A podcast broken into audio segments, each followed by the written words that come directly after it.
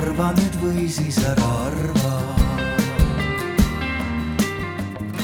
Eh, meie arutelu juht loodetavasti jõuab lähima viie minuti jooksul, aga eh, äkki alustame küsimustega kohe rahva seast või siis, eh, või siis tutvustage ennast senikaua jah, et palun. tere, mina olen Margot Eesti kahesajast. ja ainus naine paneelis, nii et äh, väga tore, saan naiselikumat äh, loogikat või selle puudumist esindada Aleksander Laane, Eestimaa Rohelised ja tükk aega erakonna esimees olnud ja nüüd volikogu esimees.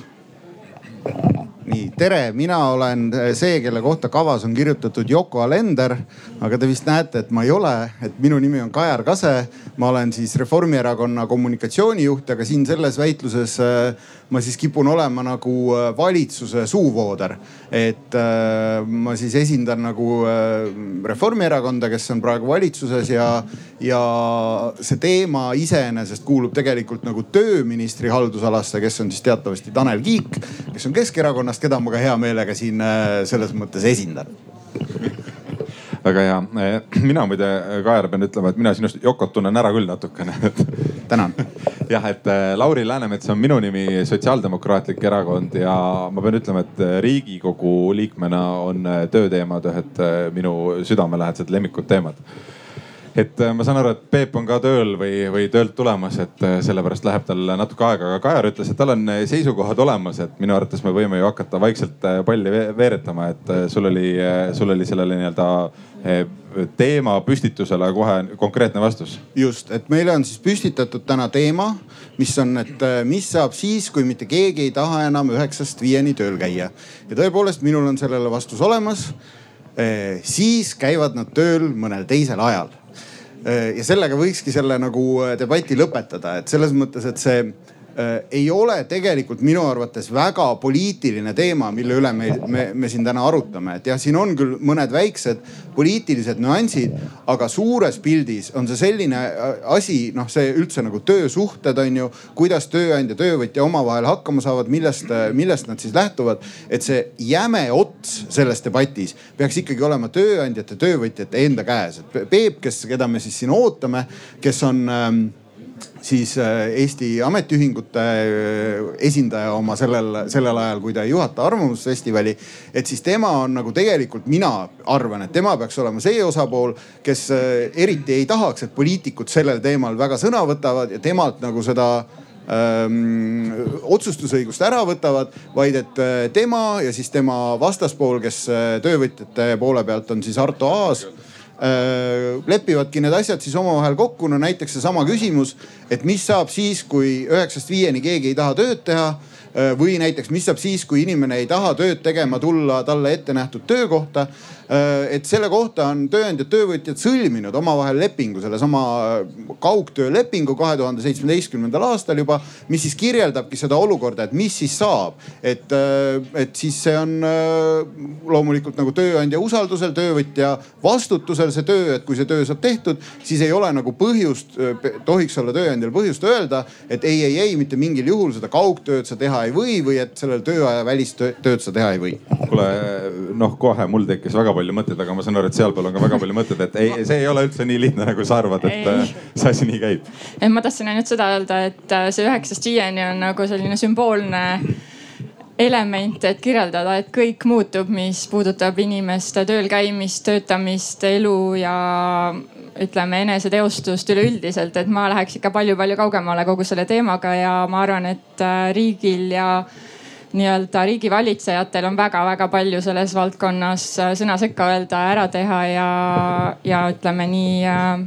toetada oma rahvast selle muutumise käigus nii, aga mis te siis veel ette panete? korra ma, ma kohe räägin sulle, kuidas see asi peaks olema. et mis see poliitikute roll äh, siin on ja, ja minu arvates on väga palju poliitikutel teha, et minu arvates sa taandasid kogu selle tööl käimise kuidagi sihukeseks eh, mingi ettevõtluse osaks, et see on, seal on tööjõud, me kasutame seda tööjõudu, me maksame talle nii vähe või, või nii palju, kui me heaks arvame või nagu turuloogika ütleb, aga see inimene, minu arvates sellises loogikas kaob inimene ära. ega inimene eh, noh, peaks nagu eelkõige tööl käima sellepärast, et ennast teostada, onju. et äh, ennast arendada, mitte sellepärast, et kuidagi ära elada, aga noh, selles loogikas ta on nagu äraelamine lihtsalt onju, et, et asi, mida poliitikud teha saavad, et äh, ma olen nõus sellega Äh,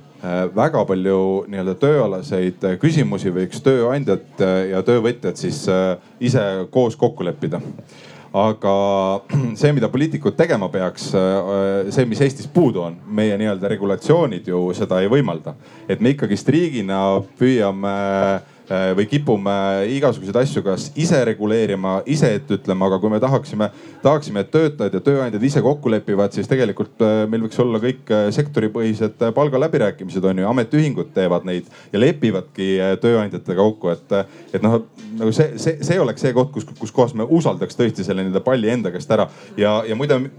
muide, mis seal veel hea asi on see, et et äh, mida rohkem on ühiskonnas sellist äh, raamistatust äh, loodud, kuskohast noh, näiteks siin siis töötajad ja tööandjad omavahel saavad asju kokku leppida ja riik vähem sekkuma peab, seda vähem me toodame ka bürokraatiat. et iga kord, kui me püüame mingisuguseid riigi poolt töösuhteid kuidagi reguleerida, reguleerida, reguleerida, siis me, siis me tegelikult ju toodame seda bürokraatiat, mis, mida kiruvad nii ettevõtjad, mida,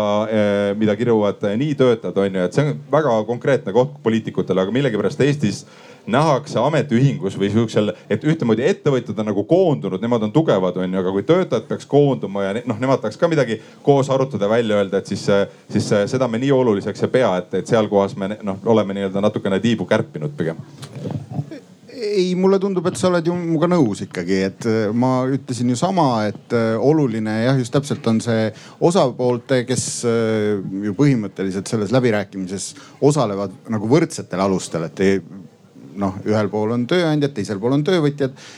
ja nende kokkulepped nende, nende samade probleemide lahendamisel. Ja, ja muidugi Äh, absoluutselt õige on see, et riigil on siin suur kiusatus astuda ise sisse ja asuda kõiki neid äh, suhteid nagu omalt poolt reguleerima ja ka üle reguleerima ja seda kindlasti ka meie äh, erakond toetab, et seda ei ole vaja teha, pigem seda bürokraatiat, ülereguleeritust on vaja vähendada ja, ja lasta nendel, nendel osapooltel oma asja ajada. nüüd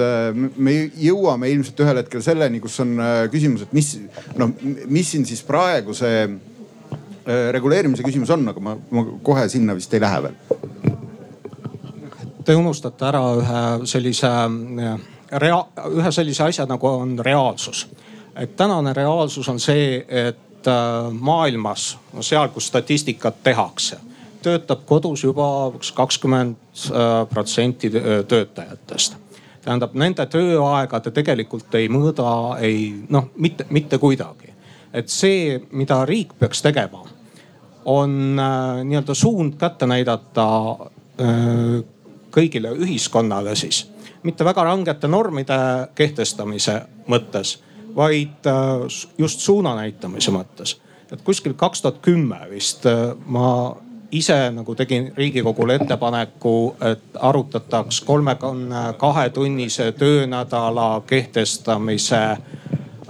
sellist ähm, ettepanekut, et mis see, mis see siis äh, kaasa tooks riigile ja missugused suhted muutuvad, kuidas nad võiksid muutuda. ja et see ei oleks selline äh, nagu raudpoltnael seaduses kinni, vaid et ähm, vaid et see norm oleks suhteliselt paindlik, täpselt, et oleks võimalik äh, teha eraldi kokkuleppeid, need, kes tahavad, töötavad rohkem, need, kes ei saa, töötavad vähem ja tegelikult Saksamaa on näiteks seda teed läinud. Nende suurimad ametiühingud on saavutanud tööandjatega sellise kokku, kokkuleppe, et inimene saab töötada kolmkümmend kaks tundi nädalas, kakskümmend kaheksa tundi nädalas ja sellel ei ole mingisuguseid selliseid ähm, raskeid tagajärgi töö, töötajale, vaid talle on äh, siis kõik, kõik sellised sotsiaalsed Äh, tagatised säilivad. ja see on, see on mõistlik, tegelikult toob see palju rohkem inimesi äh, siis töö juurde.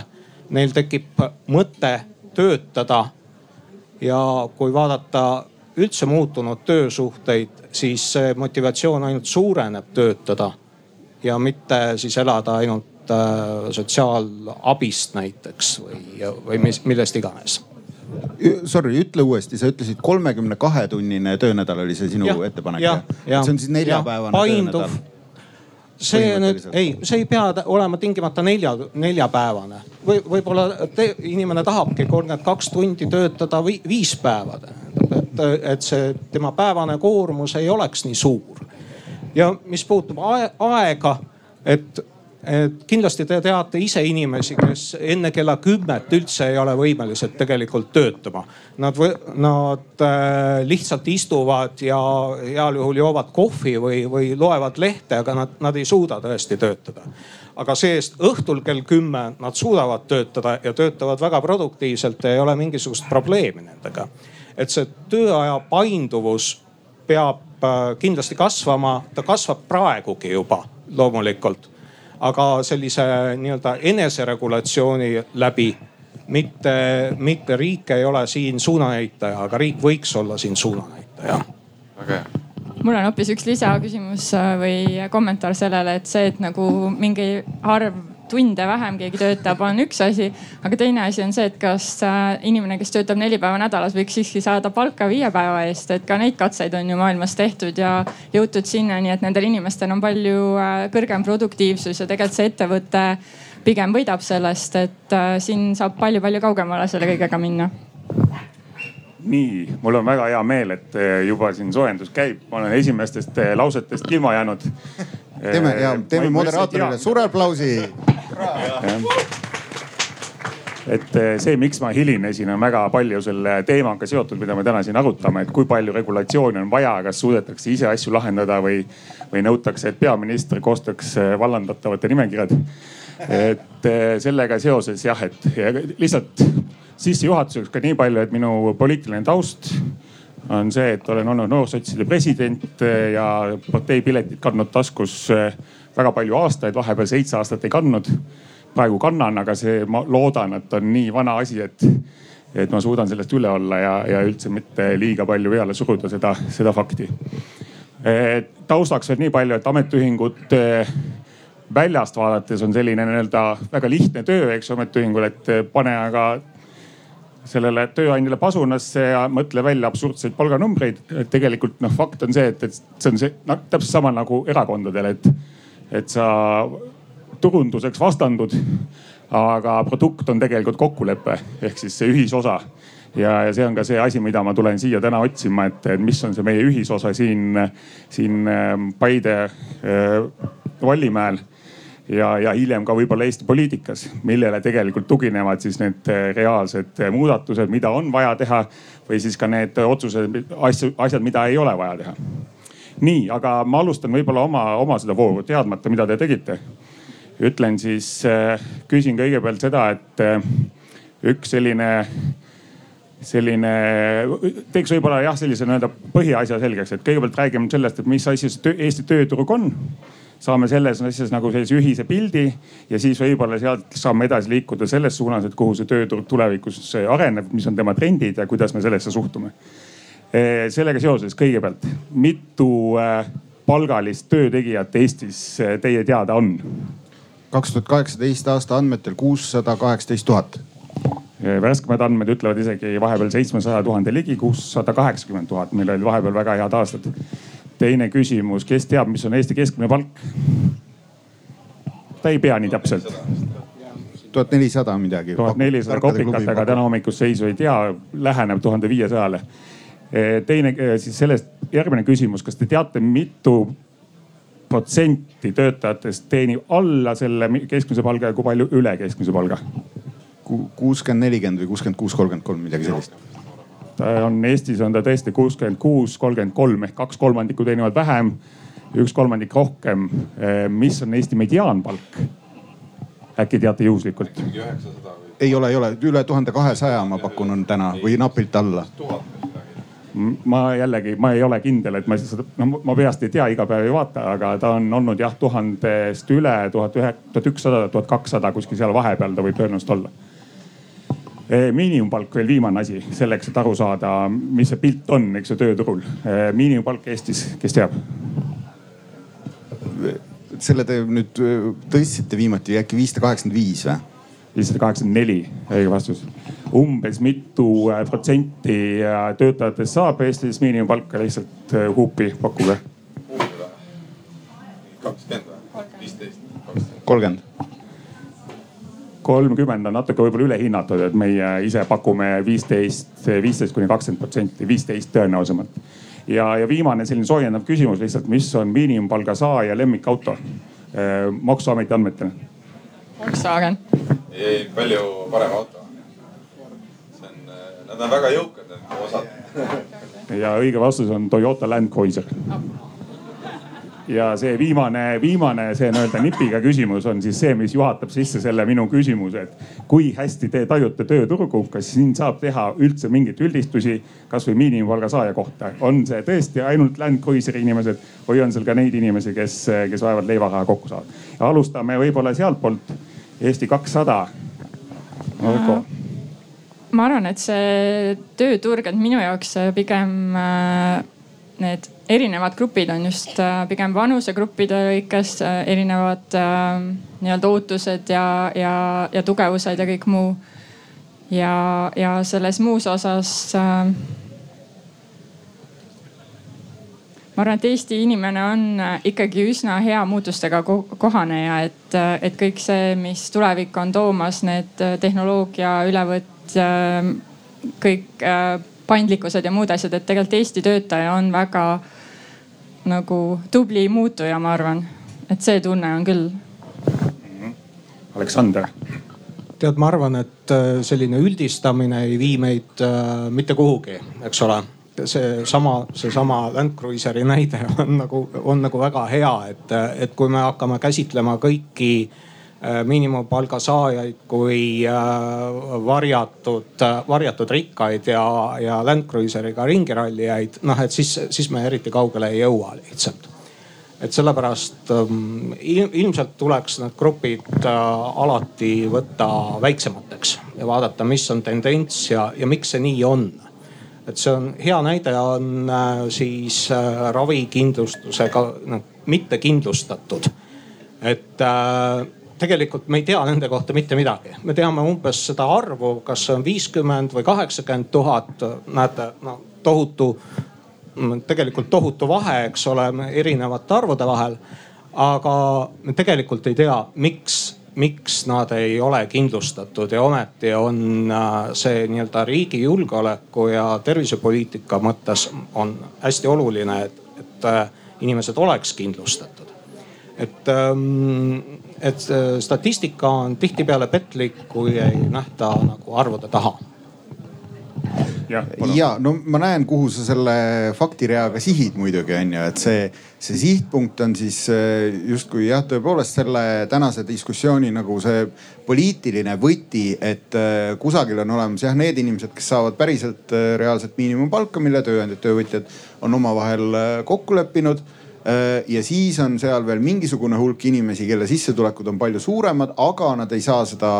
sissetulekut siis mitte palgas, vaid äh, näiteks dividendides või, või äh, mingil kolmandal kombel, eks ju, et nii kuulsad OÜ-tajad nii-öelda ja, ja küsimus on jah siis selles, et kuidas ja, ja see trend on just nagu kasvav, on ju, et meil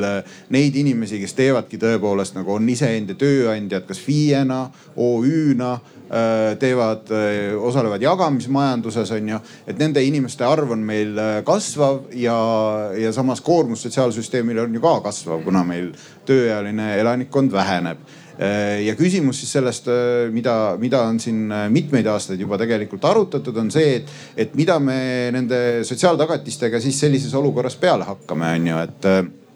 et ühest küljest, et kas siin seda maksustamise poolt on kuidagi nagu vaja muuta ja teisest küljest siis sedasama nagu kindlustuse poolt on ju. ja, ja nende sotsiaaltagatistega on muidugi see, et need jagunevad mitmesse osasse, on väga suured tükid, mis on siis tervisekindlustus, pensionikindlustus on ju. see on siis sotsiaalmaks, et kõik ka teie, kui te palka saate, siis teie palgast enne veel, kui teil kakskümmend protsenti läheb tulumaks maha või võib-olla vähem, kui te Äh, kui teil on seal vabastus. aga enne seda läheb ju maha kolmkümmend kolm protsenti sotsiaalmaks, mis jaguneb siis kakskümmend protsenti äh, pensionikindlustuseks ja, ja kolmteist protsenti tervisekindlustuseks. Äh, ja see on siis nagu selline väga suur osa. Lisaks on sellele juurde siis kaks protsenti, ma ei eksi nüüd, töötuskindlustus on ju. ja see on siis see, mille, mille arutelud tegelikult on, on siin täna reaalselt poliitiliselt alanud et äh, küsimus siis sellest, et kas töötuskindlustus, mille kohta juba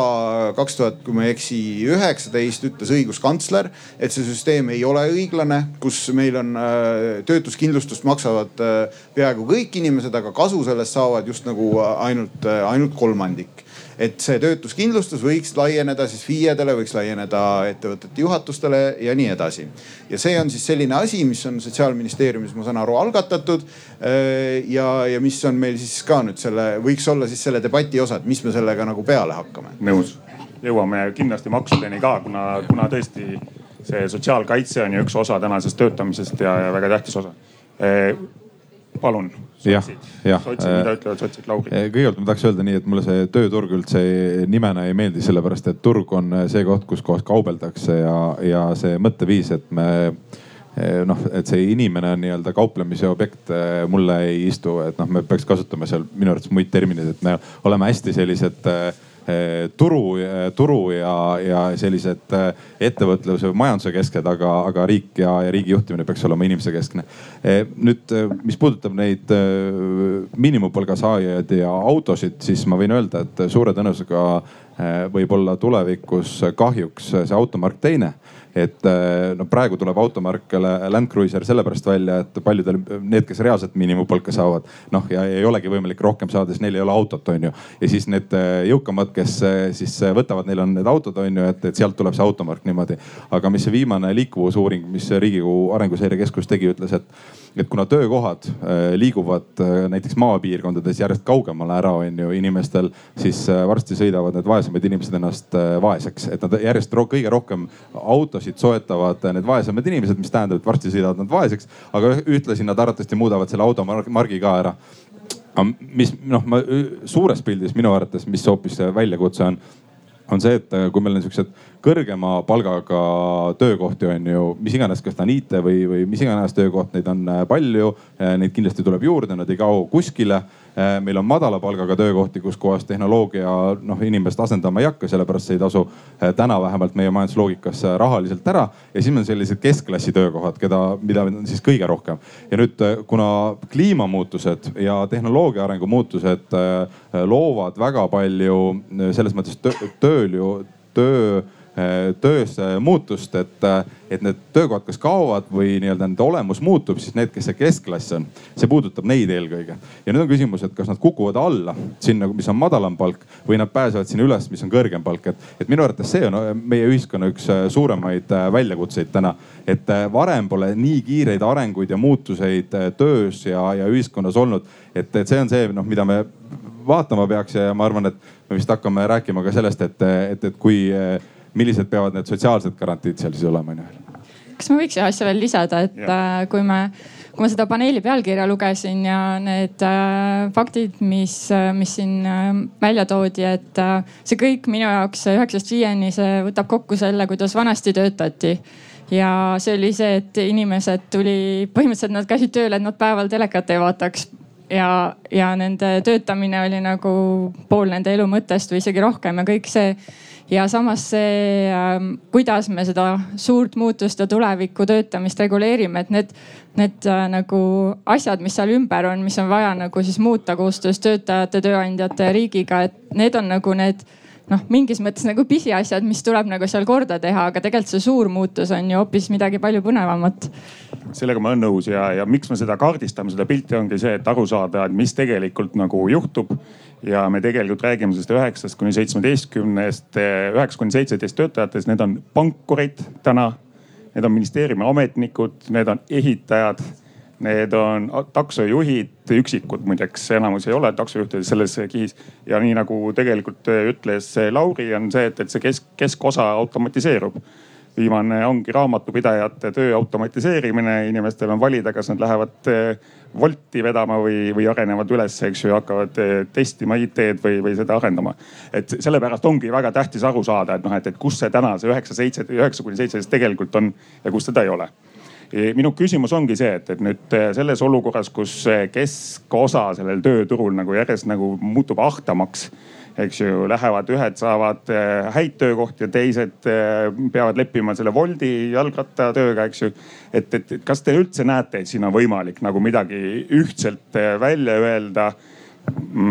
kas te, kas te tunnete, et inimesed tegelikult igatsevad veel seda nii-öelda turvatunnet olla seal keskosas või, või, või, või unistatage, unistataksegi sellest, et, et, et käia nagu kuidas juhtub äh,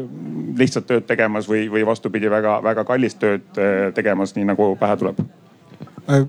võib-olla ei ole see, see õige küsimus tegelikult et äh, inimloom on äh, selline kummaline, kummaline tegelane et tegelikult äh, noh, okei okay,, introverdid tahaksid eraldi olla, ekstraverdid tahaksid publikut saada, eks ole. aga, aga tegelikult ega tööl käimine ka IT-firmades ei ole, ei ole see, et me peame üheksast viieni lihtsalt sunnitult koos olema, et me oleme harjunud nii ja, ja, ja nõnda edasi. et äh, on tohutult palju näiteid, noh akadeemilises äh, keskkonnas tuleb kindlasti see paremini välja, kus see koos olemine sünnitab uusi ideid, mida ei ole võimalik, äh, mis ei sünni äh, noh kodus istudes ja töötades. ja võib-olla ka vastupidi, ühesõnaga inimene on jah, kummaline olend, mingi osa ajast ta tahab teistega koos veeta, mingi osa ajast ta tahab eh, eraldi olla. sellega tuleb arvestada selles mõttes, et ajaliselt nii-öelda koos veedetud eh, tööaega eh, me ei saa sellest võrrandist nagu välja kriipsutada. iseasi, noh, mis kell see on et äh,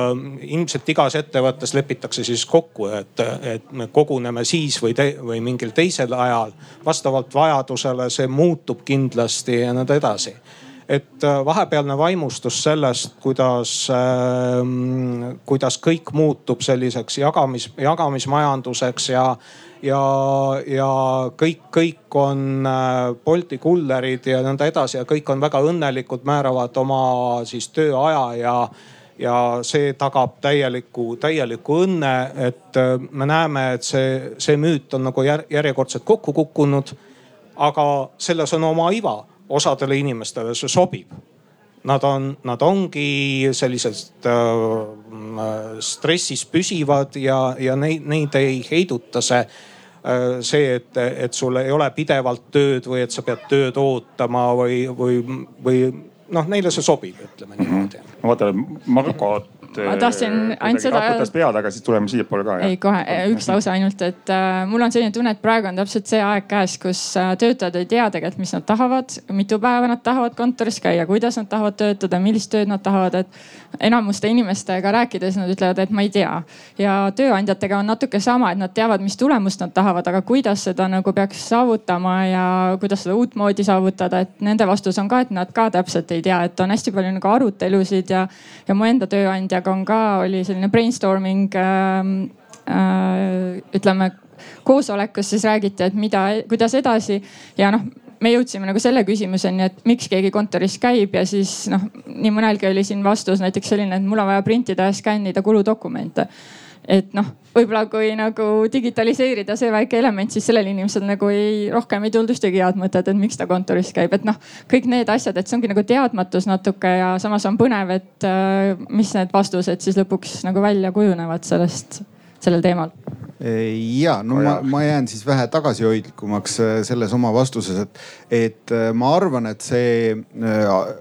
nagu tulevikupilt, mille sa maalid, on põhimõtteliselt õige ja selle üle meil tõesti siin tuleb arutada nagu sellise intellektuaalses raamistikus on ju, et. et see on natuke nagu see kuulus seks robotitega, et, et see on ju peaaegu juba võimalik ja võib-olla me peaks selle üle arutama, aga et kas see nüüd meile kohe kätte jõuab no pigem, pigem tõenäoliselt mitte, et, et selles mõttes sellise nagu praktilise poliitika tasandil, äh, kus me siin praegu justkui istume Äh, ma arvan, et noh, sest see küsimus on ju see, et, et kas me siis nagu sa kirjeldad, et on, on meil kolm erinevat äh, klassi, mis siis jooksevad kahele poole tühjaks, keskele jääb nagu tühimik. et kas me hakkame looma erinevaid reegleid siis väga vähe palka saavate ja väga palju palka saavate inimeste jaoks on ju kõikide, kui praegu meil on just nagu üks sama tööleping kõigile, ühed sama, ühtede samade põhimõtetega üles ehitatud nagu sotsiaalkindlustused on ju. Et äh, Eh, noh, ma arvan, et eh, põhimõtteliselt me ei ole noh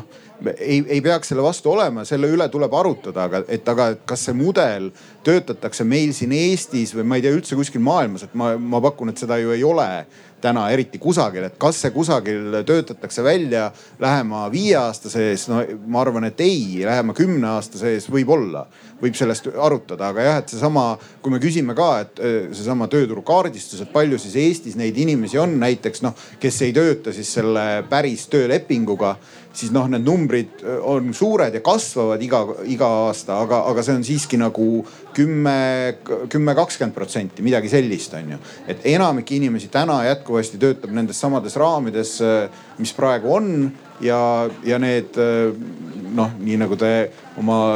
selle teise partneriga olete paika pannud, ma väidan, et on ikkagi küllaltki head, et, et põhjust, et neid täiesti aknast välja visata ja mingisuguse kardinaalse uue süsteemiga tulla, ma hetkel ei näe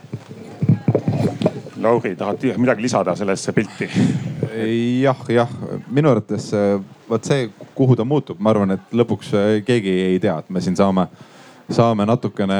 mingisuguseid äh, trende näha ja sealt aimata, aga minu arvates on no, mingisugused põhimõtted oleks oluline alati kokku leppida või või et, et, et lõppkokkuvõttes, kui palju keegi palka saab või kui palju keegi tööl peab käima, on ikkagist ühiskondlik kokkulepe. Kas see kokkulepe on sündinud teadlikult või see kokkulepe on tekkinud kuidagi niimoodi, et keegi ei sekkunud sinna. et noh, ma lihtsalt, äh, näide, et, et kui ma mõtlen, äh, need ei ole nüüd kuidagi Boltid-Woldid on ju, aga aga inimeste peale, kes äh, töötavad äh, hooldekodus on ju või hooldavad äh, puuetega inimesi, nad teevad füüsiliselt rasket tööd, nad teevad vaimselt rasket tööd, nende kätte usaldatakse kellegi elu ja me maksame neile sisuliselt miinimumpalka see ega ja me võime öelda, et see on mingi turuolukord, aga tegelikult on ühiskondlik kokkulepe. kahjuks Eesti ühiskondlik kokkulepe täna on selline, et me ei väärtusta nende tööd ja siis ma võin küsida, et, et inimene, kes äh, ministeeriumis teeb ju, ma ei tea, ametniku tööd, saab seal kaks tuhat ja, ja, ja peale või, või kuskil kinnisvaraga, teeb täpselt sama rasket tööd, aga me maksame talle kõvasti rohkem, onju. et, äh, et, et pigem mina nagu siin räägiks noh sellest, et, et milliseks me seda, milliseks me seda ühiskonda või riiki tahame kujundada, on ju, mis need väärtused on. noh, needsamad sotsiaalne turvalisus ja kõik muud asjad ja sellest tulenevad siis, et kui palju me midagi eh, teha saame et eh, Kajar ütles seda, et, et noh, et, et, et see keskosa jookseb tühjaks, et ta tõenäoliselt päris tühjaks ei jookse. et kui me vaatame seda, kuidas no siin lihtsalt ei kehti see põhimõte, õigemini on, on analoogia selle põhimõttega, et eile olin vallaline, täna on mul üks abikaasa, homme on mul kaks, ülehomme on kolm, eks ju, et noh, et, et see sellist ajakirjada ei saa teha, et, et mingisugused eh, protsessid lihtsalt muutuvad eh, jooksvalt ja, ja arenevad, et kui me täna vaatame näiteks Facebooki või Google'it või mingisuguseid suuri tegijaid, siis eh, need on enamasti ehitatud just nimelt püsiva töösuhte alusel, mitte, mitte nii palju sellise nii-öelda noh, niimoodi ühe, ühe hanke mm, kaupa nii et, et selles mõttes ilmselt see mingisugune keskosa paratamatult jääb. küsimus on see, et kus palju ta teenib ja, ja kõik muud sellised nii-öelda äh, faktid. Aga ma sammuks natukene lähemale, et noh, et, et kui meil on nüüd see pilt täiesti kirju ja me teame seda, et, et tendents on sellele nii-öelda lõhenemisele mm, valdkondlikult ja nii edasi, et, et kuidas teie siis kujutate ette, et, äh, et, et reaalselt siis, et kes ja kas peaks neid reegleid reaalselt välja mõtlema kas neid peaks tegema kuidagi valdkondlikult, kas neid peaks tegema, kas ei, äkki ei ole neid üldse vaja, et iga ettevõtja saab sellega hakkama? või te usute, et töötajad ise dikteerivad selle nii-öelda viisi, kuidas nemad tööd on nõus tegema ja, ja lepivadki nii nagu Lauri ütles, et, et kui, kui kuni inimesi, inimesed ilmuvad tööle eh, hooldajaks, nii kaua on palk õige. et kuidas teie see nii-öelda suhtumine, suhtumine on või mida te näete tulevikus kasvõi ühiskonna stabiilsuse seisukohast?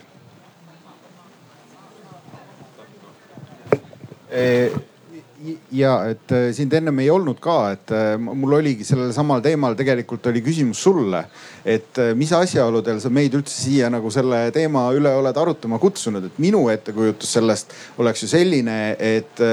need kõik on sellised teemad, mida kõige paremini saaksid omavahel kokku leppida tööjõuturu osapooled on ju. sina siis ühelt poolt lauda, Arto Aas teiselt poolt lauda, kui personifitseerida neid, kes, kes praegu seda arutelu peavad. ja veel kord, mina ütlen, et et minu ettekujutuses nagu need äh, kokkulepped, mis teie siis seal sõlmite, äh, on nagu sellised, kuhu, kuhu noh poliitika poole pealt tulla siis ja veel hakata ütlema, et kuule ei, et te olete nüüd mööda pannud, valesti pannud. Äh, või et me pakume teile mingisuguse hoopis teised lahendused, hoopis teised reeglid. et see, see ei ole päris hea, et, et samamoodi nagu, nagu üldpõhimõttes peaks olema noh see lihtsalt see tööleping, see on nagu lepinguõigus, tsiviilõigus on ju, kus on ju see põhimõte, et jah, meil on mingid üldised seadused, aga kui need lepingu sõlmijad sõlmivad, lepivad kuidagi teistmoodi omavahel kokku, siis kuni see mingite üldiste põhimõtetega vastuollu ei lähe, siis see on okei okay.. nad võivadki, kui nad on mõlemad niimoodi kokku leppinud ja seda täidavad, siis ei ole kuskilt kõrgemalt poolt nagu põhjust tulla, tulla ja hakata sinna vahele segama. et, et ma arvan, et me, mina võiksin siin küll toetada seda seisukohta, et, et siin võiks nagu sellist, ma ei tea, poliitilist sisendit nagu vähem olla ja rohkem anda ikkagi vabadust nagu nendele, kes, keda see asi reaalselt puudutab, mitte nagu selline üldine tasand. Lauri. jah, oi, vau eh, poliitiline sisend eh, kindlasti peab eh, ka olema, et lõpuks on ikkagist inimesed, selles mõttes poliitiline sisend peab olema, et, et rahvas läbi valimiste saab ikkagist, peab saama nagu öelda, et millist ühiskonda me soovime, on ju, ja kes seda, kes seda üles peavad ehitama ja nad peavad peavad ka seda tegema. et äh, ma olen, see on huvitav asi, et me oleme sinuga nagu ühte meelt, aga ma pean ütlema, et, äh, et lihtsalt mure on selles, et äh, ei, me tohimegi olla ühte meelt, see on väga hea, minu arvates peaks ka väga palju töötaja, tööandja kokku leppima. lihtsalt mure on selles, et, et meie nägemus, kuidas see käib, on erinev. et sotsiaaldemokraadid näevad, et nad peaks ka võrdsed olema siis, kui nad laua taga istuvad. aga Reformierakond ju pole kunagi lasknud neil võrdseks saada, vaata. see ongi see meie erinevus, et, et täna on alati on reeglina on tugevam pool tööandja ja nõrgem pool töötaja. ja siis ei, ju ei tule sellist ühiskondlikku kokkulepet sealt laua tagant, vaid tuleb see, et tugevam surub oma nagu tahtmise ja nägemuse peale, onju. et see tuleks meil seal ära lahendada, et anname siis ametiühingutele või, või nii-öelda anname inimestele koondumise nagu võimalused, anname rohkem nagu õigusi juurde väga hea. et äh, minu arvates võiks kohe kokku leppida ja ma saan aru, Kaja Kallas on ka siin, teeme ära. Margot, palun. ja äh, ma tahtsin võib-olla lisada nii palju, et äh, et me reguleerime siin Eestis igasugu asju, aga Eesti on osa maailmast ja Euroopast ja tegelikult riigi osa siin on, on võib-olla ka see, et tagada, et Eesti on atraktiivne nii-öelda töötajatele siin olla, siia tulla et äh, väga suur võitlus käib ju Euroopas äh, hea tööjõu nimel äh, ja siin on see koht, kus ma arvan, et Eesti riik saaks veel palju-palju rohkem ära teha võrreldes äh, sellega, mis praegu on? No ajalugu on tegelikult ju näidanud, et, et kõik need kolm osapoolt äh, mängivad erinevatel aegadel noh juhtivat osa, eks ole. Aga ei, ei hakka, ei hakka sellistesse detailidesse minema, see oleks hästi pikk jutt. aga mis riigi osasse puutub, et äh, kuidas te kujutate ette näiteks äh, olukorda, kus äh, riigid lepivadki kokku, et äh, saaste, see saab olema ettevõtjate jaoks finantsvõlg Browni ülikoolil sellised viimased, viimased ettepanekud, nad on väga huvitavad olnud. ja, ja ma, ma arvan, et me kunagi selleni jõuame. tähendab, et äh, ettevõtjal on vaja noh, kuigi palju ette näha, tähendab. ja kui riik ei ütle, tähendab, et äh, millal ta kavatseb mingisugust regulatsiooni rakendada ja ütleb, et te leppige seal omavahel kokku, tähendab. siis ettevõtjal on kindlasti niimoodi juuksed püsti, tähendab ja ega, ega töö, töövõtjalgi palju, palju lihtsam ei ole tegelikult. nii et äh, ei, ei saa, ei saa öelda, et, ähm, et mingi üks pool, äh, et, et me lükkame selle kõrvale ja vaadake, vaadake ise tähendab või et, või et kõik on üldse riigi vastutus. nii et mm, tuleb, tuleb arvestada erinevate osapooltega natukene ette näha lihtsalt mm. -hmm. mulle iseenesest see väga meeldib, et me oleme tegelikult väga pikka sammu astunud Rootsile lähemale, et me ütleme seda, et, et partnerid saavad iseendaga hakkama ja meil on esindusorganisatsioonid, meil on äh, võimekus äh, seda nii-öelda regulatsiooni ise,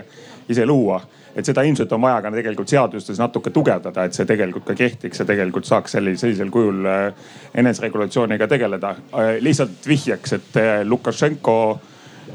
teadupärast äh, ametiühingud ei vaja, ta kaitseb ise kõiki töötajaid, tema tööõigus on nagu nii paks või töölepingu seadus, eks ju, on umbes nii paks. samal ajal kui Soome, Soome oma meie omast umbes kümme korda lühem, eks ju, sama, sama seadusandlus. kus, kus see tõesti on välja antud ära poliitikute käest, et Lukašenko ei peaks kaitsma, vaid nad inimesed kaitsevad ennast ise Eh, see on selline nii-öelda vihje, me oleme kõvasti sammu edasi astunud. nüüd küsimus on see, et kuidas me sinna reaalselt jõuame. me täna näeme seda, et eh, väikeettevõtjad on ülipahased sellepärast, et nad peavad hakkama ise otsustama, milline on nende riskitase ja, ja langetama selle kohta otsuseid ja sealt tulenevalt siis ka otsustama, et kes saab millisel töökohal töötada, kus ei saa töötada. kuidas te nüüd kommenteerite, et, et täna noh, mina näen küll selles nagu tõsist tagasilööki, et, et ikkagi küsitakse, et aga armas tööinspektsioon, saatke meile nimekiri, kelle me peame vallandama. kuidas te hindate, et kuidas me sinna jõuame, et reaalselt tegelikult suudetakse enda rolli nagu tajuda ja, ja ei, ei nõjatuta riigile nii palju enam? kes, kes, kes tahaks seda kommenteerida kuidagi? Kajar vist on nagu. ja, ja et see riskianalüüs on siis nüüd äh, sellest äh, viimase nädala justkui teema ja võib jääda mulje, et see on äh, midagi täiesti uut ja uut ja ootamatut ja ootamatu selline kohustus äh, on äh, ettevõtetele peale pandud. tegelikult see muidugi nii ei ole, et tegelikult on niimoodi, et üheksakümne üheksandast aastast saadik selline kohustus seda riskianalüüsi teha on kõigil olnud ja juba eelmine valitsus oma suures tarkuses töötas siis välja ka selle uue regulatsiooni, mille järgi sa pead siis selle riskianalüüsi kusagile, ma saan aru, portaalisüsteemi süsteemi üles laadima ja, ja seal on siis ka, siis ka nüüd mingisugused erandid, aga, aga nüüd äh, ainus asi, mida siis äh, praegune valitsus, äh, peaminister Kaja Kallase valitsus tegi, oli lisas sinna juurde siis need praeguse mm, seoses selle epideemiaga, siis need õigused, mida tegelikult ma saan aru, et, et ettevõtjad ise küsisid, et, et oleks selle riski hindamise käigus võimalik eh, küsida ka töötajate käest siis seda, et kas sa,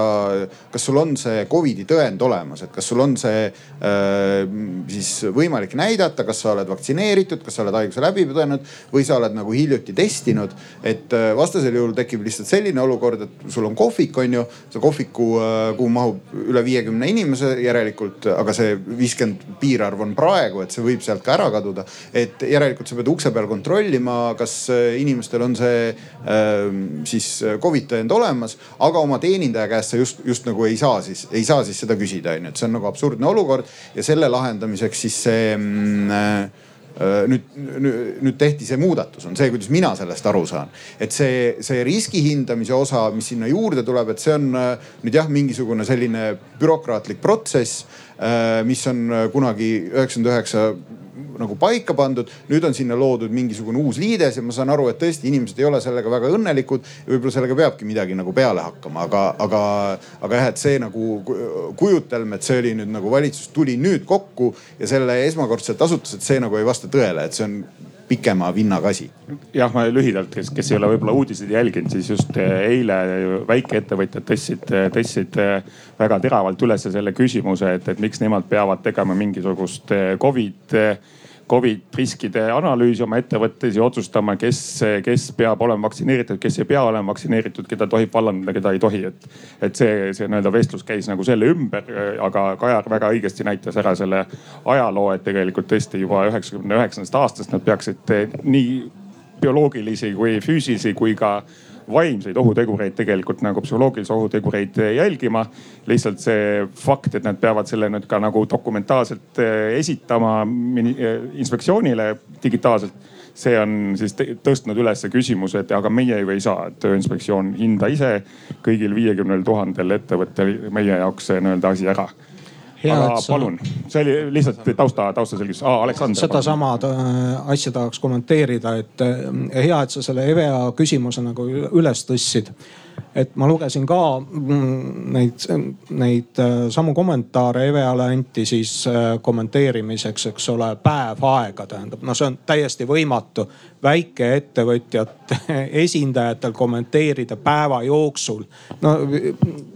tõsiselt, noh, see käib, see käib lihtsalt, äh, lihtsalt üle jõu ja see, see ei ole ka otstarbekas nii sellise, sellise kiirusega asju teha. Ja, ja tõesti üksikettevõtjad, kes ütlevad, et ta tikib patja, eks ole, üksinda ja on alati üksinda patja tikkinud, tähendab, et noh, et, et miks ta, miks ta peab seda riskianalüüsi tegema, no see on, see on niivõrd absurdne, et ähm,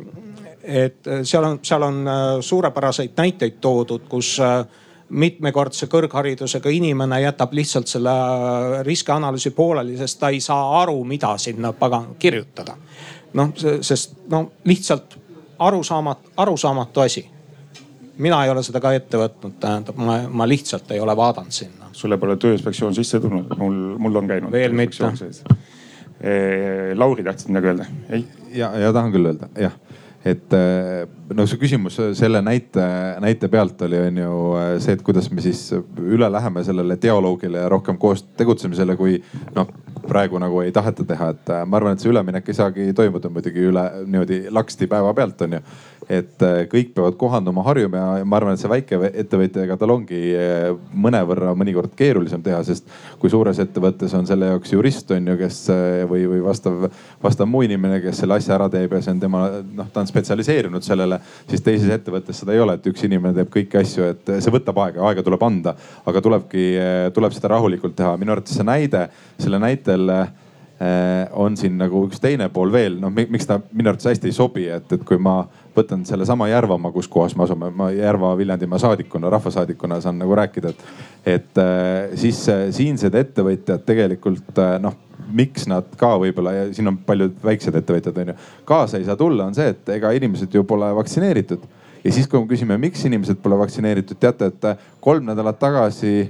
nüüd ma võin eksida, kolm nädalat tagasi umbes jah, oli niimoodi, et ega Järvamaal mõni perearst vaktsineeris, keegi teine ei vaktsineerinudki. Need inimesed sõitsid Rakvere, Tallinnasse, need, kellel polnud raha on ju või võimalust töö pärast, nad ei läinudki kuskile, et noh, et see pahameel ju tuleb sellest, et ühtemoodi sa ei loo inimestele võimalust vaktsiini saada ja teistmoodi sa siis ütled, et noh, nüüd hakka nagu töötajaid lahti laskma on ju või, või ära saatma, sest inimene ju läheb ära sul tööandja juurest, et sa ise nagu valitsus ka, kui sa nagu reegleid kehtestad, sa ei saa selliseid ebaõiglaseid kohti luua, et, et teate, kui palju siin seda tööjõudu Järvamaal valida on, no ka ei ole ju väga palju onju, et, siis ettevõtja ju täna saab see ettevõtja, väga paljud ettevõtjad saavad nagu hoobi sisse onju. ja see ei ole mitte ettevõtja tegemata töö, see on vaata riigi tegemata töö, et neid asju peab ka arvesse võtma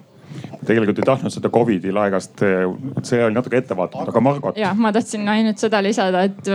et see Covidi näide nüüd oli siin, aga tegelikult see sama näide läheb sinnasamasse rubriiki, et riik ei peaks ettevõtjaid, vabandust väljenduse eest, kottima. et kogu see osa, ma arvan on, on midagi, mis nagu väikeettevõtjaid ja paljusid nagu väiksemates kohtades tegutsevaid ettevõtteid ikkagi segab äh, nende tegevuses ja ma arvan, et seal on, äh, on arenguruumi kindlasti. ja ma, ma lihtsalt veel korra igaks juhuks ütlen, et, et, et me kõik saaks ühtemoodi aru, et see riskianalüüs ja selle äh, raporteerimine ei, ei ole praeguse valitsuse ühe päevaga tehtud otsus. et see otsus on eelmisest novembrist eelmise valitsuse tehtud ja praegu hakkab äh,, hakkas see nüüd siis kehtima ja ausalt öeldes ma täiesti mõistan neid, kes on, kes on nagu sellest protsessist ja protseduurist frustreeritud. ja, ja ma tean, et me, meil on ka nagu tehtud neid ettepanekuid, et kui see on mõttetu bürokraatia, siis mõttetut bürokraatiat me ei toeta. ja seda asja tuleks tagasi tõmmata, et kindlasti, kindlasti me selle saame üle vaadata. aga nüüd nagu teine pool sellel asjal ja mida nüüd praegune valitsus ikkagi tegi ja mille eest ei tasu ka panna pead liiva alla, et see ei ole poliitiline küsimus. On seesama Covidi, Covidi, Covidi tõendi siis kontroll on ju. ja jällegi see ei ole see, et kui sa ei ole vaktsineeritud, siis sind homme lastakse töölt lahti, kindlasti mitte. sellist, sellist plaani ju mitte kellelgi ei ole. et see on see, et tööandjal nendel töökohtadel, kus on suur riskivõimalus, on võimalik seda Covid tõendit küsida, on võimalik siis töötajale öelda, et minu hinnangul sa puutud siin nii paljude inimestega kokku, et äh, sa peaksid olema, et sa peaksid olema võimeline oma terviseohutust tõestama, onju. ja näide, mille tõi Tanel Kiik eile valitsuse pressikonverentsilt, minu arust väga hea näide, on äh, Tallinna kiirabi näide, kus äh, kiirabijuht Raul Adlas ütles, et, et väga kahju, et aga kiirabitöötaja ei saa kõikides olukordades kõiki neid ohutusmeetmeid nagu mask ja distantsi hoidmine kasutada. ja seetõttu on oluline, et ta, et ta oleks siis äh, vaktsineeritud, et ta ei oleks ohtlik neile, kes, kelle juurde ta läheb ja teistpidi need ei oleks siis ohtlik talle. sest et ei saa nagu see häirekeskus öelda, et, et äh, võtan kõne vastu, ahah, teil on midagi tervisega halvasti, aga kas te vaktsineeritud olete, et nii, nii ei saa. kõigi juurde peab minema, seetõttu nende töötajate puhul see see, on nagu põhjendatud ja noh, siis kusagile tuleb see piir tõmmata, on ju, et kust see, kust see siis enam põhjendatud ei ole. et ma arvan, et see siiski nagu see, et valitsus nagu selle võimaluse on loonud, et see on, see on igatahes äh, põhjendatud mm. -hmm. omalt poolt ütlen, et tegelikult see, ütleme tervise hoidmine töökohal on siiski üsna oluline teema, et äh, ärme siis seda, seda ära unusta ja, ja mõtleme, mis see tegelik reaalne protseduur on, kuidas, kuidas kõige mõistlikum on siis seda, seda protseduuri teha aga lihtsalt väike näide sellest, et kuidas nagu äh, ka sektorid väga erinevalt käituvad. eelmisel aastal ma mäletan hambaarstide liitu, kes nõudis, et äh, sulgege hambaarstikliinikud sellepärast, et äh, meil ei jätku maske ja valitsus pangu kõik meid kinni, oli selline nõudmine natuke rohkem kui aasta, aasta tagasi ja samal ajal sellest kevadest ma mäletan seda, et kaupmehed, siis nagu kõik need kaubandusettevõtted jälle vastupidi ütlesid, ärge meid kinni pange, me mõtleme ise endal regulatsioonid välja, rakendame neid, aga ärge meid mingil juhul kinni pange, et, et see noh, see lihtsalt ilmestab seda, kuidas nagu mõni, mõni võtab selle positsiooni ja üritab ise, eks ju, oma, oma valdkonnas seda nii-öelda ühiskondlikku ohtu äh, minimeerida ja teine jällegi ütleb, et kuulge ei, härra Lukašenko, pange meid kinni palun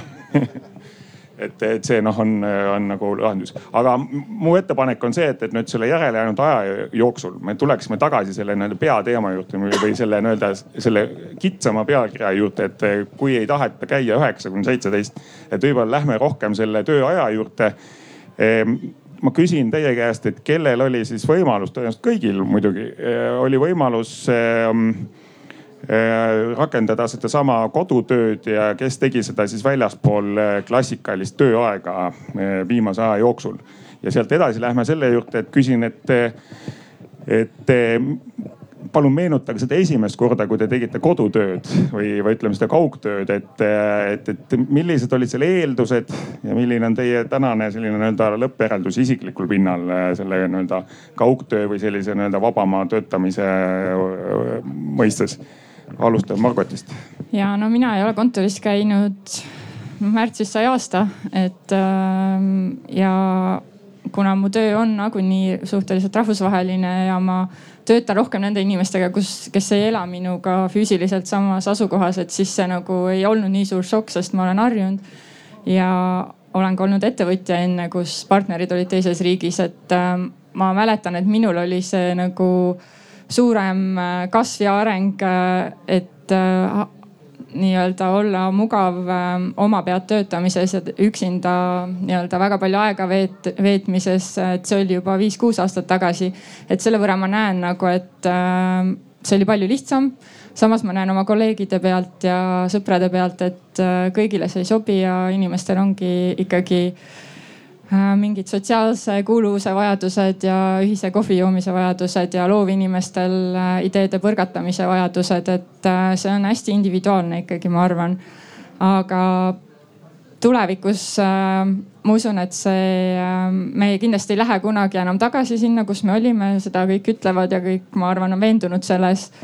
Aga tahaks just äh, pigem rääkidagi sellest, et mis need kümne, kahekümne aasta pärast need suured protsessid on, et kuhu, kuhu me läheme. Ja nagu mis see, mis nagu Eesti riik peaks tegema või kas ta tahab olla see visionäär selles kõiges või ta on see, kes vaatab, mida ettevõtted teevad ja mõtlevad ja mida inimesed teevad ja siis need seadused ja ütleme, kõik see tuleb selle põhjal või siis vastupidi, et Eesti riik ütlebki, et ei, meie näeme, et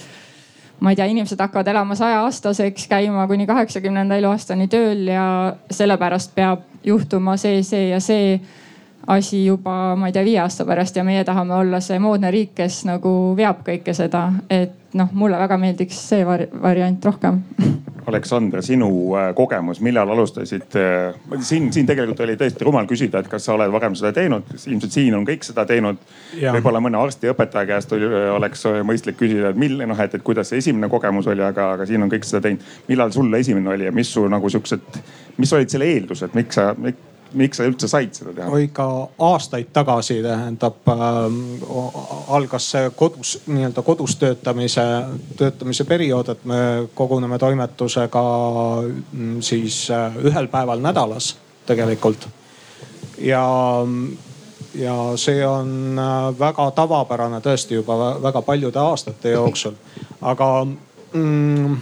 küsimus on äh, kuratlik, ma ütleks et äh, et see isikliku kogemuse äh, üldistamine paljudele või, äh, või kõigile on üks kõige õudsemaid nähtusi tegelikult. seda ma ei äh, palunudki. poliitilises, poliitilises elus tähendab, et, et, et igaks juhuks ei tasu jah ära unustada, et, et kõik kõik ei saa parima tahtmise juures äh, kodus, kodus töötada või, või vaheldumisi töötada tööl ja kodus. et asi oleks huvitavam, ma lisan Kajarile väikese küsimuse juurde, et kas sul on sugulasi, kelle jaoks oli äh, lähi, lähemas ringis, ütleme inimesi, kelle jaoks oli see kaugtöötamine esmakordne? jah äh Äh, no selles mõttes minu jaoks tegelikult oli ka sellises formaadis esmakordne, et äh, ma füüsiliselt töötan, töötan Riigikogus ja, ja Riigikogu oli tõepoolest siis koduõppel. ma ütlen õppel sellepärast, et see on mingis mõttes väga koolile sarnane olukord, et muidu me koguneme kõik ühte ruumi kokku, nii sellesse suurde saali, aga ka siis fraktsioonid omaette väikse matesse. meil on seal kolmkümmend neli inimest, kes istuvad ühe suure laua ümber ja, ja, ja noh, kohe kui see asi algas, oli selge, et sellises formaadis me koguneda ei saa Äh, ja polnudki teada, et kuidas see siis minema hakkab, et kas, äh, kas me üldse saame selle, selle tööga sellises vormis hakkama. ma arvan, et need tulemused on ka küllaltki sarnased kaugõppe tulemustega nagu, et oli neid, keda ma nägin, kellele see tõesti sobis ja sobis paremini kui see, et ta peab füüsiliselt iga siis päev olema ühes konkreetses kohas koos, et äh, ja oli neid, kellele see asi sobis vähem. aga kokkuvõttes nagu kogu see öö, kogu see nagu õhkkond selle ümber, et, et me tuleme kokku, me oleme ühe laua taga ja midagi arutame seda nagu juba definitsiooni järgi ei olnud ja kokkuvõttes nagu see selline seesama, sa ütled ühisosa otsimine või see, et me, me kõik jõuame nagu ühisele seisukohale. et see oli, see oli oluliselt probleemsem kui siis, kui inimesed olid ühes, ühes toas koos. et selles mõttes ja, et, et ma arvan, et see minu vaates on kindlasti see, et see on võimalik aga eelistatud see ei ole, samamoodi nagu koolidega praegu on, et, et me teame, et see kaugõpe põhimõtteliselt on võimalik, põhimõtteliselt me saame sellega hakkama. aga see on väga töömahukas ja, ja tulemused tõenäoliselt ei ole nii head, kui, kui ikkagi siis, kui on äh, õppe koha peal. no ma ütlen niimoodi, et äh kõik sai just praegu ära öeldud, et täpselt samamoodi, et ma mingi hetk oli väga tore on ju kodus neid asju teha, aga ühel hetkel ikkagi see produktiivsus käis alla, sest sa tegid seda suvaliselt, kõik sõitsid sulle sisse on ju ja, ja mina pean ütlema, et äh, mina kui riigikogu liikmed enamus olid äh, kodudes, siis mina käisin riigikogus. Ja kui kõik olid äh, kui, kui noh, meil on oma kabinet ka igalühel, et sa saad sinna kabinetti minna, oma ettevalmistusi, asju teha. Eh, rahulikult ja keskenduda ja teine asi, et ma mõnikord, kui istungitel olid olulisemad teemad, mis olid minu teemad, kus ma pidin keskenduma, siis ma läksin sinnasamma Riigikokku on ju, et, et kas ma läksin ka mõnikord suurde saali, sest seal oli kolm inimest, noh nii suur saal, siis me võisime seal olla. igast fraktsioonist umbes üks inimene, et, et ei saa, ei saanud ainult kaugtööga hakkama jah nüüd eh, jah, kaugtöö on üks aspekt, teine on see, et, et sa tuledki võib-olla sinna kontorisse või, või töökohale mingil erineval kellaajal. seda ju tegelikult on alati olnud, et on käidud erinevatel kellaaegadel. Aleksander, sina tunned arstimaailma natuke paremini seal siiski kirjutatakse vist ette need slotid, millal sa nagu reaalselt pead nagu oma nägu näitama, et oma füüsiline, füüsiline panus anda sellesse tegevusse ja ma ei tunne nüüd, nüüd enam kindlasti äh, meditsiinimaailma nii, nii hästi seda, seda enam seda tööõigust, et ähm, aga, aga loomulikult noh, kui opi aeg on kokku lepitud või vastuvõtuaeg, no siis no ei, ei, ei saa päris suvaliselt välja ilmuda, eks ole. nii et mm, jah ma ütlen, et ei saa, et ei saa üksikute näidete põhjal üldistada kõigile, sellepärast see tööaeg äh, ja need normid peavad olema võimalikult paindlikud sellepärast et see paindlikkus tagab tegelikult selle, et inimesed elavad kauem ja õnnelikult. et see on aastast, no ma pakun välja kaks tuhat üheksa tähendab tohutu suure üle-euroopalise uuringu äh, tulemus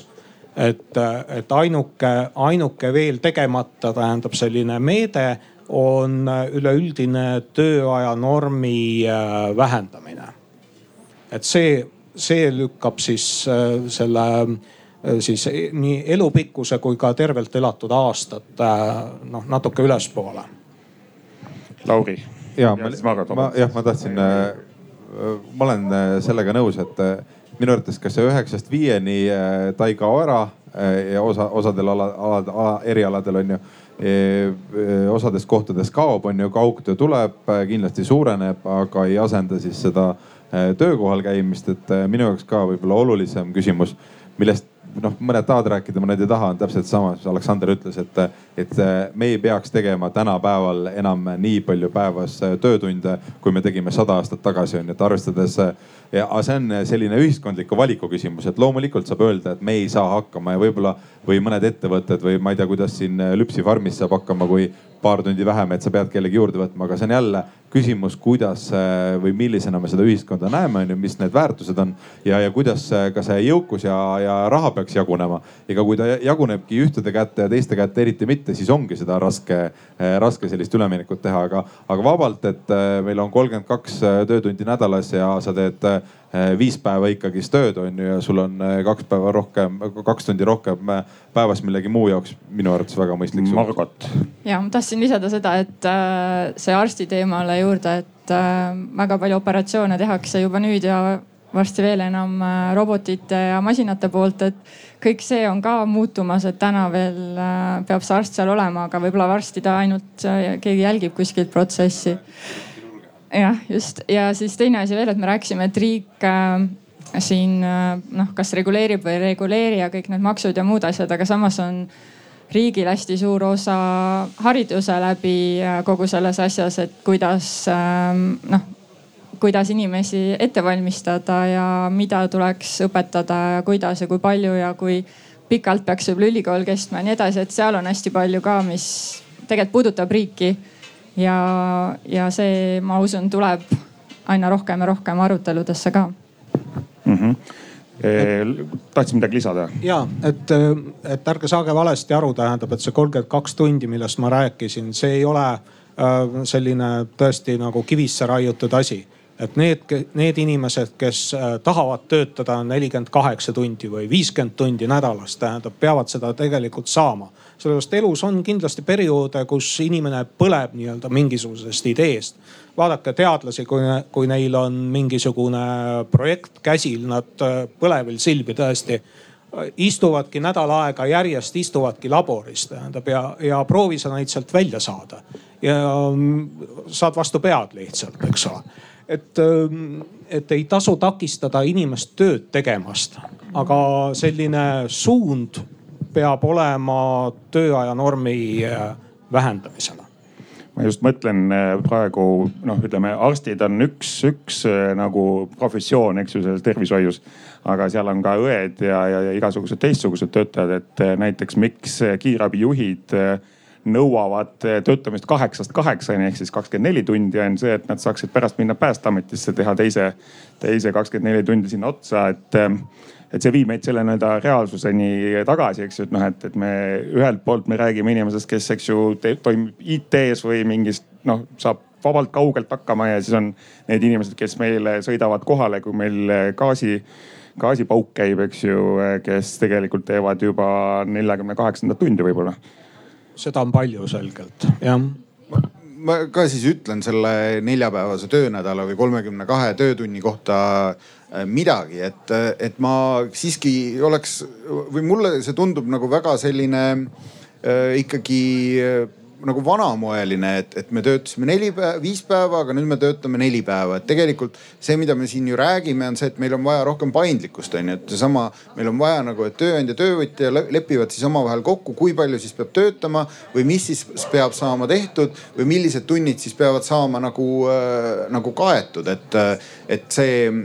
noh, üldine nagu jah, et see ettekujutus, et meil on äh, enamik töökohti on ju nagu me enne rääkisime, mis on üheksast viieni tööpäevadel. et see niikuinii selgelt ju täna enam ei toimi, vaid see kuidagi koormus väga paljudel töökohtadel peabki olema kuidagi teistmoodi jaotatud. ja see, ja see, aga sellisel puhul mulle siiski tundub äh, täpselt see, et kui me, kui me siis ütleme, et, äh, et äh, töötada saab ainult neli päeva, aga selle eest tuleb maksta viie päeva palk, et siis see ka justkui nagu ei, ei toimi, et töö, tööandja vaatest, et sa pead siis sinna ühele päevale ühe inimese ikka juurde võtma. aga mis sa siis nagu talle maksad, et kui sa teistele selle viie päeva palga juurde maksid, et sellisel juhul see arvutus kuidagi tuleb siis nagu teistmoodi, teistmoodi nagu ringi teha, et, et selles mõttes äh, ma,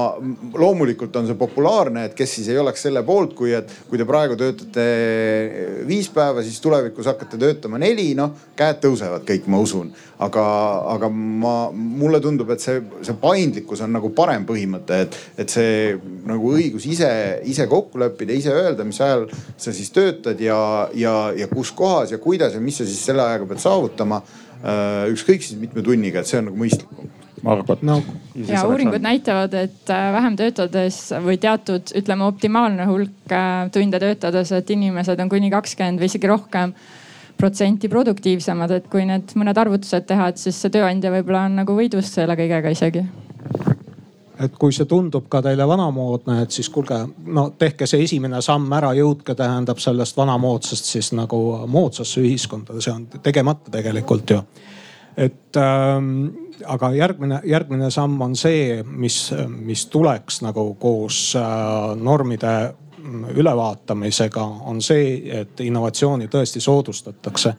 mitte noh, see ei ole selline formaalne üleskutse ja, ja selline eurorahade jaotamine lihtsalt, vaid, vaid sisuliselt ja läbimõeldult mm. -hmm nii, äh, Lauri, äh, kas sinul on äh, tunne, et peaks kuidagi seadust muutma hakkama, tõepoolest liikuma tükk-tükilt selle kolmekümne kahe suunas? Või, või on sul mingi teine retsept, kuidas seda, seda tööaega siis hakata vaikselt kärpima? ja minu arvates peaks selle kolmekümne kahe suunas äh, liikuma, aga vaat see ei käi äh, niimoodi, et me muudame nüüd seadust ära ja homme kõik, kõik käivad äh, teistmoodi tööl, et niimoodi tõesti jookseks asjad kokku. ei, ei ole see, mõeldudki jah? jah, ei, ei ole, ma ei, ka ei mõelnud, et sa mõtlesid nii, et, et see, millest ma räägin, noh küsimus on selles üldse noh, millist ühiskonda me tahame ja, ja, ja see, et, et noh, kas me, kas meie jaoks on oluline et iga inimene, kes tööd teeb, ükstapuha, mis tööd teeb, kui ta sinna paneb kõik oma teadmised ja oskused, ta saaks normaalselt tasustatud niimoodi, et ta saab ka normaalselt ära elada kui see on meie jaoks oluline, siis äh, järgmine nii-öelda samm on see, et siis peaks vaatama, et kuidas meie ühiskond toimib, on ju. no ja kui me vaatame niimoodi, et, et see noh et seda eesmärki saavutada, siis, siis ühiskonnas see nii-öelda jõukus või, või see raha peab ka tsipa teistmoodi jagunema. et kui ta jaguneb kogu aeg ühtede kätte ja teiste kätte järjest vähem, siis ei ole võimalik seda kunagi saavutada. ja noh, see on selle, selle eeldus ja alus minu arvates. ja siis on sul võimalik ka nii ettevõtjal kui töötajal liikuda selle kolmekümne kahe poole. et vastasel juhul äh, jooksebki täpselt ühes või teises kohas kokku. et noh, jah, aga ma pikemalt ei räägi praegu nii, aga siin on koht eh, publikul ka küsida, kui on kellelgi tekkinud mõtteid. võime küsida siis näiteks nii, et eh, kes juba täna töötab vähem kui nelikümmend tundi nädalas? tavapäraselt. kas keegi julgeb tõsta? ja on nii, on nii. mina pean ütlema, et ma ka vahel töötan vähem, aga vahel töötan rohkem. kas on? töölepinguga on vähem kirjas? minul on käsundusleping. minul on kirjas. Kirjas. kolmkümmend nii, küsimus on küll seal jah, palun, kas te saate äkki mikrofoni anda sinna? kuus tundi. kuskil Hispaanias oli kolmkümmend kaks või kus see oli, Euroopas on riikides on kolmkümmend kaks. tere äh,, ei tööta ah,, nüüd töötab, aitäh äh,. Imre Treufeld. nii äh,, ma tahtsin üldse öelda, et, ähm, et vaadates äh,, arutades selle tööteema üle ja tegelikult peaks vaatama veel üldisemalt, et mis on üldse vajalik inimese heaoluks. Ja heaolu on noh, suuresti ikkagi ütleme, seal on vaja materiaalselt mingisugust äh, tuge, aga alates teatavast piirist äh, tekib vajadus rohkem sellise psühholoogilise heaolu järele. uute kogemuste ja sõpruse ja, ja õnne ja kõige selle järele. tegelikult see on see, mis, mille poole me kõik püüdleme ju. ja kuidas seda toetada äh, kõikvõimalike poliitikate ja, ja töö ja muude asjadega küsimus teile. ma võin ühe lihtsa näite tuua, et ma olen selle selle väitega sada protsenti nõus, et äh, tööl ei pea käima sellepärast, et ära elada, vaid ikkagist see peaks olema enese, eneseteostuse koht on ju, et kui me vaatame äh, noh, minu, no kui me vaatame neid äh, seaduseid, mis siis puudutab seda, et kui inimene on nüüd töö kaotanud või töösuhe on lõpetatud, siis noh, minu arvates need on pigem ikkagist orienteeritud sellele, et ta võimalikult kiiresti läheb tööle tagasi. ühtemoodi on see nagu õige, onju, aga teistmoodi me ju ei jäta inimesele seda võimalust, et seda võimalust, et sa saaksid eh, noh vaadata ja valida täpselt selle töökoha, mis, eh, mida sa tahad, onju. muidugi oleneb, miks, mis seisus see inimene seal on. et mõnel loomulikult on sul päris pikalt võib-olla aega, aega seal saadus, saades töötuskindlustushüvitist on ju ringi vaadata ja siis on inimesi, eriti koroona ajal tuli see välja, kus kohas sul ikkagist väga nagu võimalust ei olnud on ju ringi vaadata, et, et noh, et me ei peaks, peaks, peaks seda seadusandluse poolt ka nagu muutma niimoodi, et, et sa tõesti valid selle töö, mida sa tahad teha ja sa valid selle töö, kus sa oled kõige parem. mitte sa valid selle töö, mis hetkel saada on, on ju, kus kohas sa oled õnnetu ja teed seda kehvasti vaata kui hea, et me oleme siin kõik füüsiliselt koos, ma nägin, et Aleksander liigutas oma mikrofoni ja ma Teamsis ei oleks seda näinud. palun, sinu kord. jah, tead ähm, ma olen alati mõelnud, et äh, tegelikult see seadusandluse ähm, sihuke back peaks olema äh, inimese kindlustunne ja õnnetundeks siis mingisugune noh aluse loomine. et me ei saa inimesele õnne kuidagi anda. aga me saame eeldusi luua küll, et ta oleks õnnelik, eks ole. ja õnnelikuks olemise minu arust nagu sügavam vundament on tõesti kindlustunne, tähendab, et sa, et sind ei jäeta üksi, et sa ei pea oma probleemidega päris üksi hakkama saama iga, iga kell, kui sa ei saa nendega hakkama.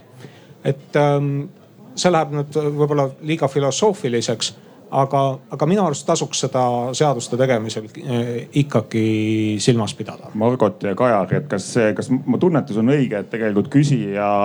kirjeldas meile Maslow püramiidi, et järjest rohkemad inimesed on nüüd ütleme selles kohas, kus nad tegelikult nagu sihivad,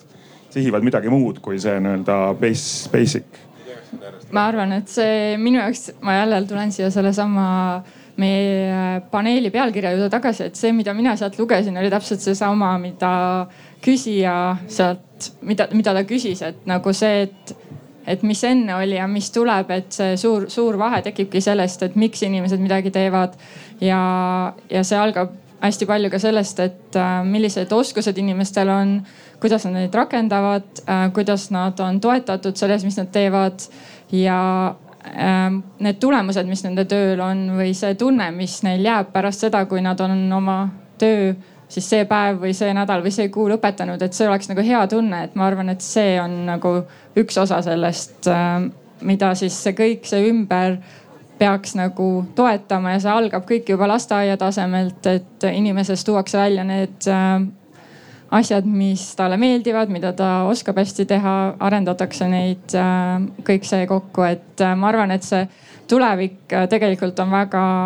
noh, räägitakse igasugu hirmujutte sellest, et kõik masinad võtavad kõik üle kohe varsti ja inimene, vaeseke, siis jääb sinna kuhugile vegeteerima ja saab mingit kodanikupalka. aga noh, mina olen nagu, ma olen nagu see selles äh, äh, ütleme selle arvamuse juures, et need masinad tulevad ikkagi toetama seda inimese olemist ja töötamist ja, ja annavad meile rohkem võimalusi teha just nimelt äh, seda tööd, mis meid rõõmsaks teeb Kaja peaministri erakonnast. siin enne oli just see õnneteemaline arutelu, mis minu arust oli väga huvitav, aga seal kõik inimesed olid väga lahked ja ütlesid ja muidugi me peame selle õnne küsimusega ikka tegema ja tegelema ja kuidas, et kõik ministrid peavad õnneministrid olema ja nii edasi. ja ma nüüd väljendan oma isiklikku seisukohta kõigepealt, et ma olen vähe skeptiline selle suhtes lihtsalt sellepärast, et see ei tundu mulle nagu nagu selline objektiivne eesmärk, millega sa nagu poliitikas saad äh, tegelikult tegeleda, et selles on väga palju subjektiivset, et kuidas, kuidas siis need inimesed ennast, ennast tunnevad ja kui ma ise mõtlen enda peale, ma olen sihuke pahur inimene nagu äh,. ma olen nagu just nagu töökohaga rahul, perekonnaga rahul, on ju, elukeskkonnaga rahul.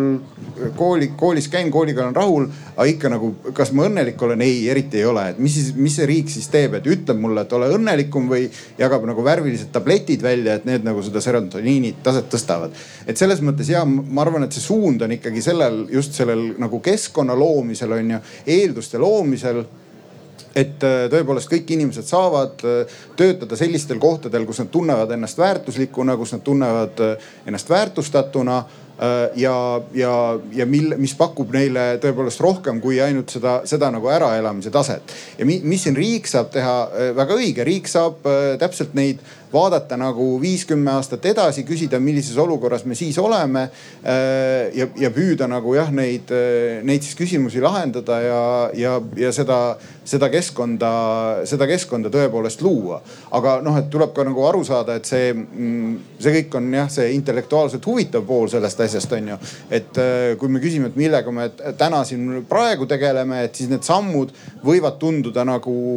minimaalsed on ju, inkrementaalsed sammud, mida me praegu praegu astume, seesama töötuskindlustus, millest me siin enne rääkisime, on ju, ja kuidas me seda teeme. kindlasti selle üle tuleb ka nagu palju vaidlusi, aga, aga et see on jah osa nagu mingisugusest sellest suuremast pildist ja kindlasti eh, selles mõttes me mõtleme selle peale poliitikas loomulikult äh, igapäevaselt, et kuidas äh, kuida,, kuidas seda tulevikku on ju, millesse me eelduslikult liigume, siis nagu kõigile inimestele paremaks teha nii, aga ma võib-olla omalt poolt võtaks ka selle nii palju kokku ainult, et tõesti see nii-öelda, kordan teie, teie öeldut. hoolitseme selle eest, et keegi ei kukuks sinna, kus ta peab töötama, eks ju, kakskümmend neli, kus peab ennast lõhki töötama nii palju meil peab olema riiki, eks ju, et seda nagu jälgida, et rohkem oleks neid, kellele tegelikult see töö tegemine on õnneks või, või mitte ütleme mitte enne, õnneks, aga noh, selliseks nii-öelda kutsumuseks või, või teatud vaimustust tekitav, eks ju, aidata nad sellele piirile ja sealt edasi juba leida see kõige optimaalsem viis, kus, kus siis kokku leppida, et, et ei oleks piiranguid äh, sellele nii-öelda parimale, parimale toimetamisele. Aga üldine suund on siiski sellele, et töötame vähem ja, ja oleme, hoiame oma vaimse tervise Äh, ja ka füüsilise tervise natuke paremal järjel. nii et äh, sellega praegu siin lõpetame. ei, te ei saanud vastust, äh, millal saavad otsa inimesed, kes üheksa kuni seitseteist töötavad. andke andeks, et selleks peate tulema veel kümme aastat siia Arvamusfestivali. aitäh. aitäh tuletan meelde, et meil on siis ka valimised, et äh, annan siit veel valimissedeleid, kui kellelgi ei ole, et saate oma hääle anda oma lemmikpoliitiku või erakonna esindaja poolt. ja viisteist nelikümmend viis on, äh, hakkab Säutsu kohting, kus äh, osaleb üksteist poliitikut, kellelt saab kahe minuti jooksul küsida erinevaid küsimusi. selge see